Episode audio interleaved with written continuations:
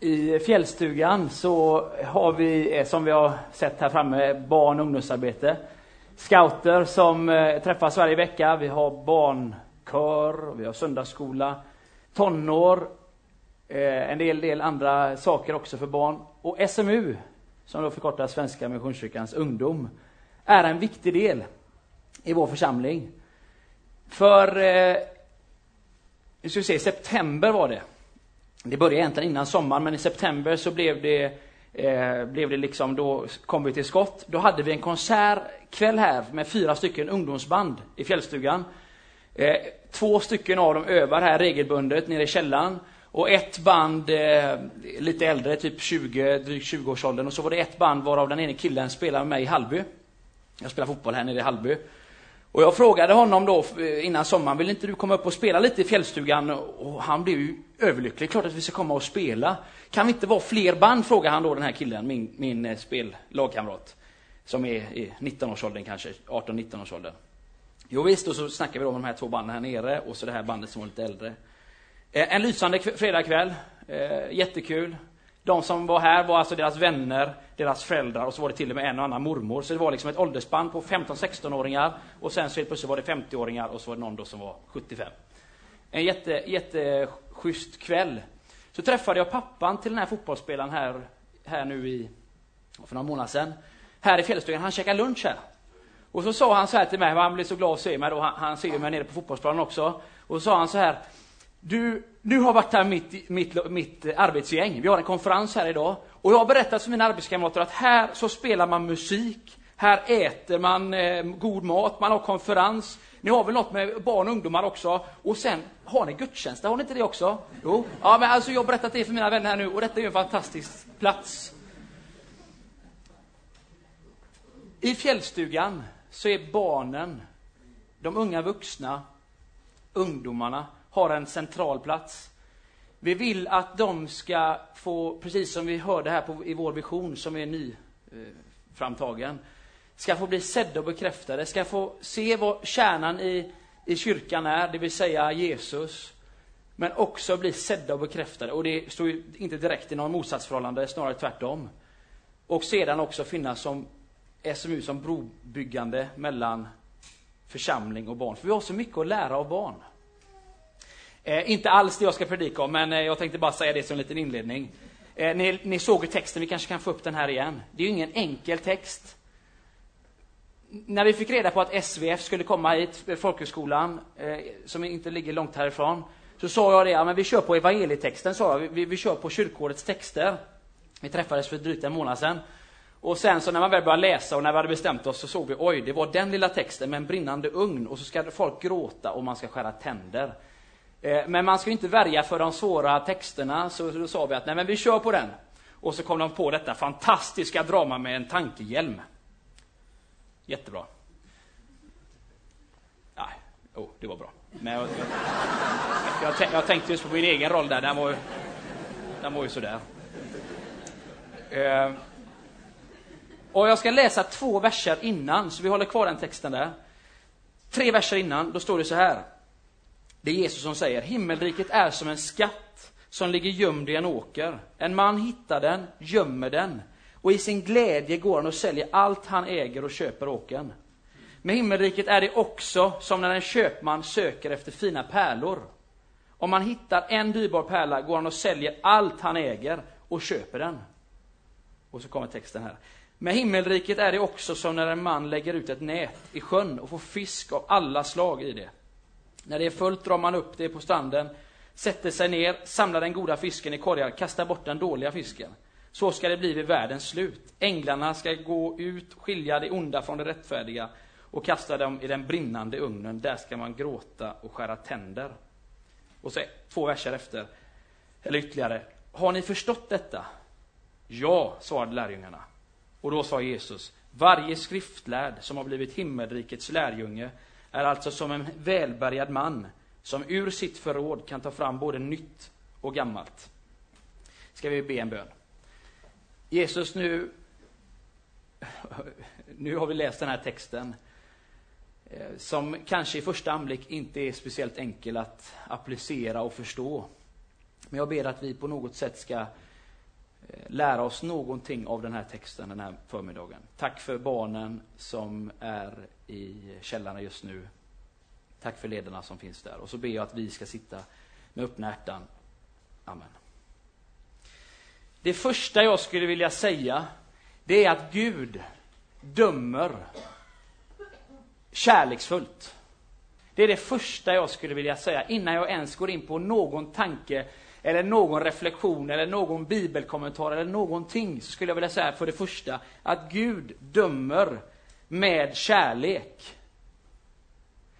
Gud han är, brukar man säga, han har ju massor med olika liksom, eh, eh, hur man förklarar Gud. Man säger att han är helig, avskild. Det är liksom inte bara någon som är lite gullig, en lite mäkig förälder, utan en som faktiskt, som likt en god förälder, också kan säga till att nej, det är inte så bra att gå mitt på gatan. Kanske lite argt till och med. Fast Gud, han är helig, avskild. Gud, det står att Gud är i himlen. Jag är inte så säker på att han bara finns just i liksom himlen. Han är nog mycket, mycket större än så. Men när Bibeln ska förklara så säger Bibeln, Gud är i himlen och du är på jorden. Glöm inte det. Gud är i himlen och du är på jorden. Gud han är helig, han är ingen snuttefilt. Men han är kärleksfull och det är det första jag skulle vilja säga. Att Gud är kärleksfull, han dömer med kärlek. Den bibeltext, eller den, det bibelord som är ganska välkänt i kyrkan, eh, står i Matteus, nej förlåt, Johannes 3 och 17, 16. Ty så älskade Gud världen. Nu skrattar bibelskoleeleverna för de kan ju det utan till att det är Matteus 3 och 16 inte 3 och 17. Men vi andra. Eh, eh Johannes 3 och 16. Ty så älskade Gud världen att han gav den sin enda son, inte för att döma den, utan för att ge evigt liv. Gud är i himmelen, du är på jorden, han är helig, men Gud dömer med kärlek. Det är det första jag skulle vilja säga. Och så vidare går vi då in i de här liknelserna. Han har talat om en skatt som ligger gömd i en åker. En man hittar den, gömmer den. Och i sin glädje går han och säljer allt han äger och köper åkern. Alltså, är det en moralpredikan Jesus ger oss? Att man går till en åker, håller den hemlig för ägaren, vet om att det är en värdefull skatt, säger ingenting till ägaren, sedan går man och köper den lite enkelt för en billig peng och sen har man hela den här skatten. Det är ingen moralpredikan precis. I alla fall ingen god. Vad är det han försöker att säga? Att en man ska gå och köpa den där skatten. Och vad gör han sen förresten med åkern har jag tänkt på. Han går och köper den här åkern. Nedgrävd ligger en skatt. Och så har han fått den här skatten. Vad gör han då sedan med den här åkern? För jag gissar att han tänker att åkern är värde, värdelös i sig själv. Det är ju skatten han vill åt. Man säger ibland att kärleken är blind. Någon av er som bor i Jönköping kanske har erfarit det själva, är från ett annat, en annan stad, ett annat sammanhang, och så råkade man korsa vägen med den andra personen och så flyttade man till Jönköping av alla ställen. Man säger ibland att kärleken är blind. Jag mötte en man på Smögen när jag jobbade där. Han var ifrån Uppsala och han satt liksom när han förklarade hur han kom, liksom var första frågan, hur kom du från Uppsala till lilla Smögen? Och då bara satt han så här, kärleken är blind. Och då såg jag liksom i hans ansikte, han behöver inte säga mer. Han träffade en tjej och sen så vändes upp på livet ner och så flyttade han till Smögen. Kärleken är blind. Vad är det för någonting som fascinerar och trollbinder en människa när man är så där kär? Man tänker inte så mycket på allt runt omkring. Man har ett fokus och det är den andra personen. Det är att skicka så mycket sms som möjligt. Det är att ringa så mycket man bara kan. Det är att försöka träffas och se och lära känna. Och när man sitter där på kaféet eller har sin mobiltelefon i handen, då vill man ju visa sitt allra bästa jag. Ingen av oss, när vi är i det stadiet att vi är kära, säger jo, jag är bra, men du, jag kan också vara riktigt, riktigt störig på morgnarna. Jag tror ingen har sagt det som första raggningsreplik. Utan man säger, jag är en, så här är jag liksom. Och så försöker man visa sitt bästa, bästa jag. Kärleken är blind. Jag tror att texten om både den här skatten skatten. Och sedan så handlar det om en man som letar upp en pärla och säljer allt han äger för den här lilla pärlan. Jag tror att själva poängen med den texten är att när man finner evangeliet, budskapet, det här hemlighetsfulla i att faktiskt lära känna Jesus, då har man inget annat för ögonen. Då blir man likt killen på Smögen. Man liksom fattar inte, vad är det som händer? Men jag vet bara en sak, det där som jag upplevde hos den mannen, Jesus, det måste jag uppleva igen. Kärleken är blind. Och evangeliet, det är så hemlighetsfullt, så när man finner det, så trollbinder den och fascinerar den. Då kan man ju bli lite rädd, nej men hjälp. Eh, jag minns ju hur fanatisk jag var när jag var kär i min tjej. Ska jag bli sån igen? Jag vet, alltså när du finner Jesus, jag kan inte säga vad som händer, men jag kan bara säga vad som hänt med mig själv. Och om man upplever, det där måste jag uppleva igen. Jag måste ha det där i mitt liv. Jag kan liksom inte leva utan det i mitt liv. Ni minns vad jag sa för det första, Gud dömer med kärlek. Och än så länge så är vi glada. Vi har talat om en skatt i en åker och vi har talat om en pärla som i sig själv är ganska ologiskt att man säljer precis allt man äger för att köpa en liten pärla. Tänk dig själv, du säljer ditt hus och så går du och köper en pärla. Kan vara kul första dagen. Hur är det andra? Alltså evangeliet har en stor kraft när man finner det. Det är dolt, det är som en hemlighet. Och så kommer vi till den här texten. När Jesus, de andra, det står att det var stora skaror när Jesus talar om de här liknelserna och han talar innan om sådd och ogräs och så vidare. Men så går den stora skaran och kvar har han bara lärjungarna. Och de frågar honom, men, men vad menade du egentligen med de här med sådd och pärlor och hit och dit? Och då börjar han tala om en fiskare som slänger ut sitt nät. Där de slänger bort den onda eller den dåliga fisken, eller om man ska gå till grundtexten, den ruttna fisken. Eh, och då kan man ju fundera, finns det rutten fisk? Kan man ta upp en fisk från havet som är rutten? Jag tror inte det. Eh, så att här förstår vi ganska snart att det handlar inte om fiskar. Det är liksom inte det Jesus vill lära oss, att det handlar om just om fisk, utan det är någonting annat. Det är en bild på någonting annat. Och de som är onda ska kastas i den brinnande ugnen. Och idag har vi domsöndagen. Den söndag, i alla fall hundra år tillbaka, eh, där prästerna och pastorerna kanske gärna inte ville ha predikan just den söndagen. Jag hörde häromdagen att prästerna för länge, länge sedan, de lät de här pastorsadjunkterna få kliva fram på domsöndagen, för att det var en rätt svår text. Att Gud ska döma oss. Och så känner vi till alla bilder som vi i första hand kanske inte har ifrån Bibeln, men som vi har ifrån eh, medeltiden och så vidare, om en man som har horn och en gaffel som man sticker upp någonstans. Eh, och så har vi den här bilden av att om jag inte har tillräckligt med tro, om jag inte lever tillräckligt rätt, om jag inte går tillräckligt till kyrkan, eller vad det nu kan vara, om jag liksom inte är innanför, då hamnar jag i det där brinnande havet eller den här brinnande ugnen. Och den frågan jag skulle vilja ställa till oss här idag. Hur ska vi tolka den här texten? Att Gud dömer, det förstår vi i hela Bibeln. Att Gud dömer oss och ska döma oss. Men hur ska vi förstå allt detta med brinnande ugnar? Jag läste en bok när jag, läs, eh, när jag gick och läste på, på högskolan i Stockholm. Som vår rektor hade skrivit, hans doktorsavhandling. Den hette Innanför eller utanför. Den handlar om frikyrklighetens 20 och 30-tal, jag tror det var tiotal också. Eh, de, han hade tittat på tre församlingar i Stockholm, tre församlingar i, nu minns jag inte exakt orterna, men det var två orter till, så nio församlingar totalt. En missionskyrka i varje stad, en baptistförsamling och en, eh, jag tror det var en pingstförsamling också. Och så såg han, för det fanns ju dokument, hur man uteslöt människor i församlingen. Och fanns det olika anledningar till att man uteslöt. Alltså man ville vara med i en församling, man gick med, man, man sa ja.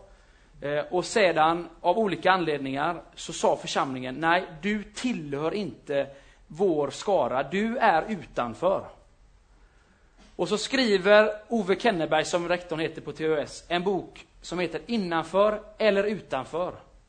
En fruktansvärd bok på ett sätt. Där man då dels om man hade eh, levt ihop innan man hade gift sig, eller om man hade eh, druckit alldeles för mycket, eller, eller varit, egentligen bara hade varit o, alltså, oförskämd. Brottslighet, ekonomisk brottslighet, ens till och med om det var misstanke om ekonomisk brottslighet så kunde man eh, bli utesluten. Och så frågar man då Ove som var där på sitt kontor, alltså hur kunde man utesluta? Och det var mängder med människor. Det var liksom tusentals med människor som blev uteslutna för de tillhörde inte liksom gänget.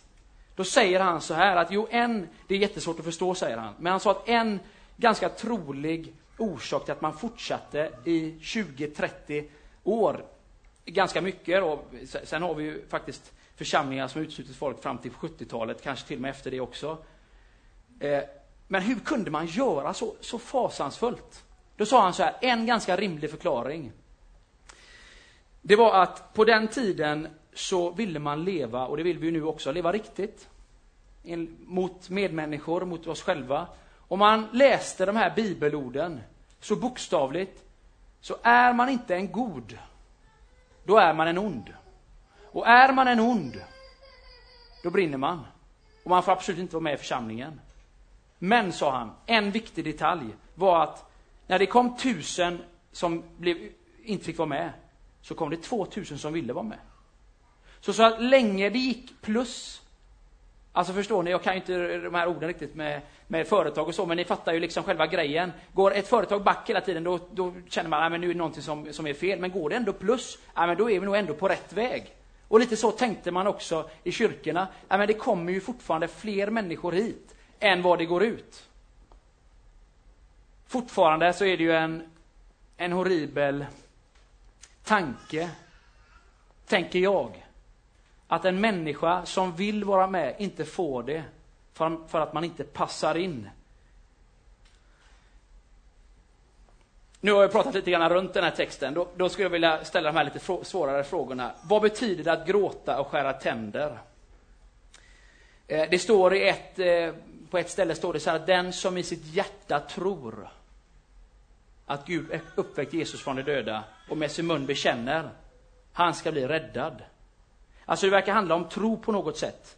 Men hur stor tro behöver man? Alltså skulle jag gå till mig själv, om jag inte skulle vara pastor, alltså jag har någon slags, om jag ska vara ärlig, jag har någon slags sådär grundtro. Eh, oavsett om jag skulle vara pastor, tror jag i alla fall, eh, så skulle jag ha en tro jag vet inte om jag skulle köpa precis allt som alla teologer i hela världen säger. De säger ju i och för sig emot varandra en hel del. Men jag skulle ändå säga att jag har en grundtro. Skulle den räcka? Eller måste man gå i kyrkan? Eller måste man liksom göra vissa saker för att enligt den här texten inte bli kastad i någon ugn? Och så minns vi det där bibelordet, Johannes 3 och 16. Han kom inte för att döma världen, utan för att rädda den. Och då kan man ju ställa sig frågan också, de här då som på 20, 10, 20, 30-talet uteslöt folk, folk, alltså hur tänkte de? Vad händer efter livet? För alla ska vi ju gå ur tiden. Alla ska vi ju det. Vad händer då? Många människor, inte minst i vårt land, eller framförallt skulle jag säga i världen i övrigt så är det nog ganska intressant, men i vårt land som är sekulariserat och vår del av Europa, så tänk, äh, det, det kommer då. Man talar inte ens om döden. För man, le, man vill leva så mycket nu och, och, det handlar om upplevelser. Så man tänker inte så mycket på det och nej, men då blir det nog bara svart. Medan Bibeln faktiskt talar om precis det som vi fick lyssna till här innan. Att det finns ett hopp för den här tiden och efter. Vad händer efter den här tiden? Den som tror, den som inte tror. Kommer alla till Gud? Eller måste man liksom hunnit säga någonting precis innan man dör? Det, det, det finns ju en del sådana berättelser att, nej men, eh, om det var någon kung, har för mig, vi läste om i kyrkohistorien, att ja, eh, man levde liksom rövare hela sitt liv, men så, så liksom kunde man lura de här bibeltexterna och säga, Nej, men jag, nu tror jag, och så dog man då. Och så skulle det vara grönt. Är, är, liksom, är, det, är det så det går till? Och så står det så här att änglarna ska skilja på de onda ifrån de rättfärdiga.